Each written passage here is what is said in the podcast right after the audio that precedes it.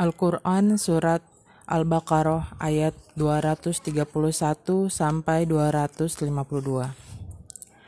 Dan apabila kamu menceraikan istri-istri kamu, lalu sampai akhir idahnya, maka tahanlah mereka dengan cara yang baik, atau ceraikanlah mereka dengan cara yang baik pula.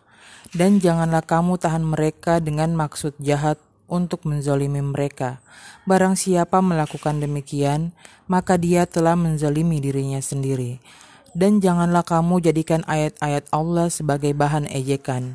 Ingatlah nikmat Allah kepada kamu dan apa yang telah diturunkan Allah kepada kamu, yaitu kitab Al-Quran dan hikmah, untuk memberi pengajaran kepadamu. Dan bertakwalah kepada Allah, dan ketahuilah bahwa Allah Maha Mengetahui segala sesuatu.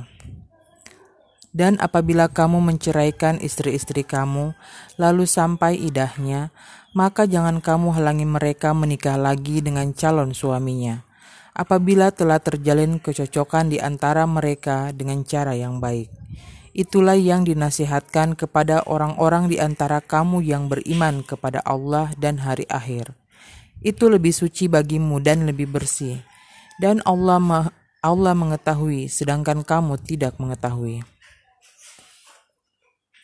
dan ibu-ibu hendaklah menyusui anak-anaknya selama dua tahun penuh bagi yang ingin menyusui secara sempurna, dan kewajiban ayah menanggung nafkah dan pakaian mereka dengan cara yang patut.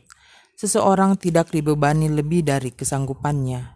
Janganlah seorang ibu menderita karena anaknya, dan jangan pula seorang ayah menderita karena anaknya. Ahli waris, ahli waris pun berkewajiban seperti itu pula apabila keduanya ingin menyapi dengan persetujuan dan permusyawaratan antara keduanya, maka tidak ada dosa atas keduanya. Dan jika kamu ingin menyusukan anakmu kepada orang lain, maka tidak ada dosa bagimu memberikan pembayaran dengan cara yang patut. Bertakwalah kepada Allah dan ketahuilah bahwa Allah Maha Melihat apa yang kamu kerjakan dan orang-orang yang mati di antara kamu serta meninggalkan istri-istri, hendaklah mereka istri-istri itu menunggu empat bulan sepuluh hari. Kemudian apabila telah sampai akhir idah mereka, maka tidak ada dosa bagimu mengenai apa yang mereka lakukan terhadap diri mereka menurut cara yang patut. Dan Allah maha mengetahui apa yang kamu kerjakan dan tidak ada dosa bagimu meminang perempuan-perempuan itu dengan sindiran, atau kamu sembunyikan keinginanmu dalam hati. Allah mengetahui bahwa kamu akan menyebut-nyebut kepada mereka, tetapi janganlah kamu membuat perjanjian untuk menikah dengan mereka secara rahasia, kecuali sekedar mengucapkan kata-kata yang baik. Dan janganlah kamu menetapkan akad nikah sebelum habis masa idahnya Ketahuilah bahwa Allah mengetahui apa yang ada dalam hatimu, maka takutlah kepadanya. Dan ketahuilah bahwa Allah Maha Pengampun, Maha Penyantun. Tidak ada dosa bagimu jika kamu menceraikan istri-istri kamu yang belum kamu sentuh atau belum kamu tentukan maharnya. Dan hendaklah kamu beri, beri mereka mut'ah bagi yang mampu menurut kemampuannya dan bagi yang tidak mampu menurut kesanggupannya, yaitu pemberian dengan cara yang patut, yang merupakan kewajiban bagi orang-orang yang berbuat kebaikan. Dan jika kamu menceraikan mereka sebelum kamu sentuh, padahal kamu sudah menentukan maharnya, maka bayarlah seperdua dari yang telah kamu tentukan kecuali jika mereka membebaskan atau dibebaskan oleh orang yang akad nikah ada di tangannya. Pembebasan itu lebih dekat kepada takwa, dan janganlah kamu lupa kebaikan di antara kamu. Sungguh Allah Maha melihat apa yang kamu kerjakan.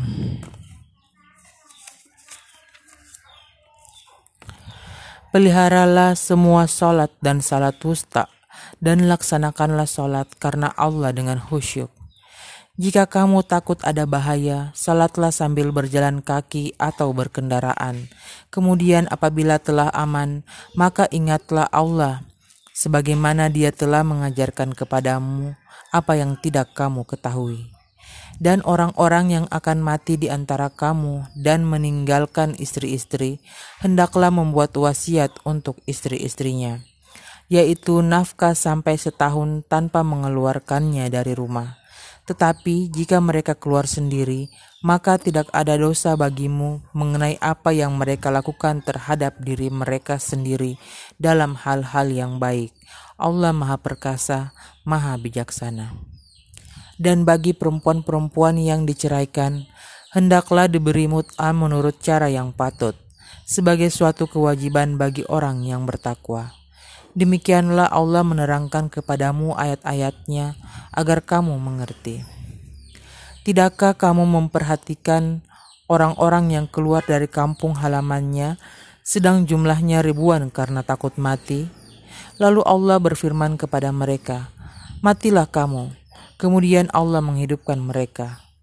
Sesungguhnya Allah memberikan karunia kepada manusia, tetapi kebanyakan manusia tidak bersyukur dan berperanglah kamu di jalan Allah, dan ketahuilah bahwa Allah Maha Mendengar, Maha Mengetahui. Barang siapa meminjami Allah dengan pinjaman yang baik, maka Allah melipat gandakan ganti kepadanya dengan banyak.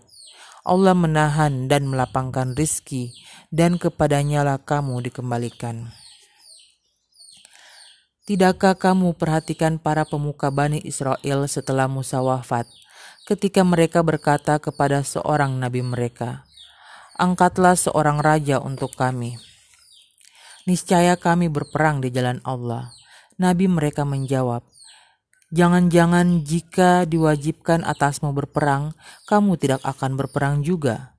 Mereka menjawab, Mengapa kami tidak akan berperang di jalan Allah, sedangkan kami telah diusir dari kampung halaman kami dan dipisahkan dari anak-anak kami?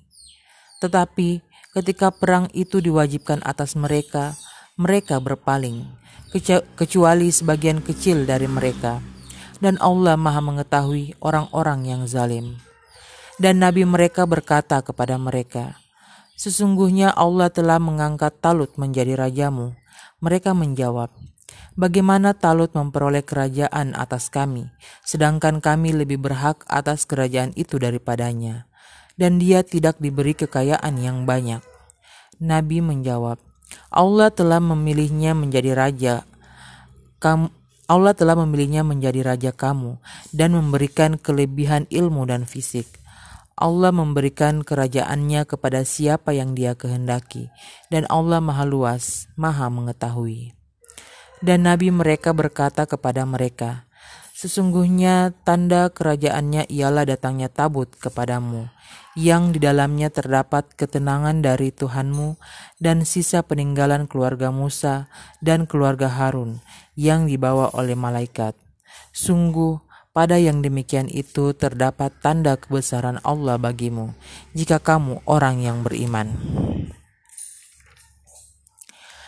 Maka ketika Talut membawa bala tentaranya, dia berkata, Allah akan menguji kamu dengan sebuah sungai, maka barang siapa meminum airnya, dia bukanlah pengikutku. Dan barang siapa tidak meminumnya, maka dia adalah pengikutku, kecuali menciduk seciduk dengan tangan. Tetapi mereka meminumnya, kecuali sebagian kecil di antara mereka.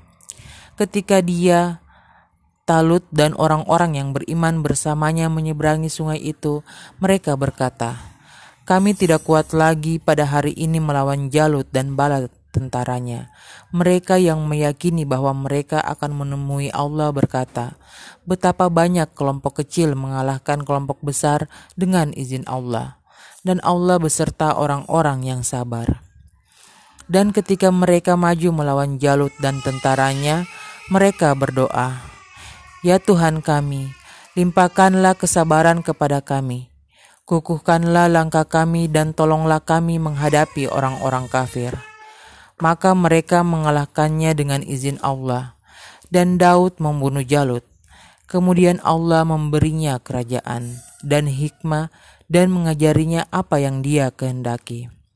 Dan kalau Allah tidak melindungi sebagian manusia dengan sebagian yang lain, niscaya rusaklah bumi ini. Tetapi Allah mempunyai karunia yang dilimpahkannya atas seluruh alam. Itulah ayat-ayat Allah. Kami bacakan kepadamu dengan benar, dan engkau Muhammad adalah benar-benar seorang rasul.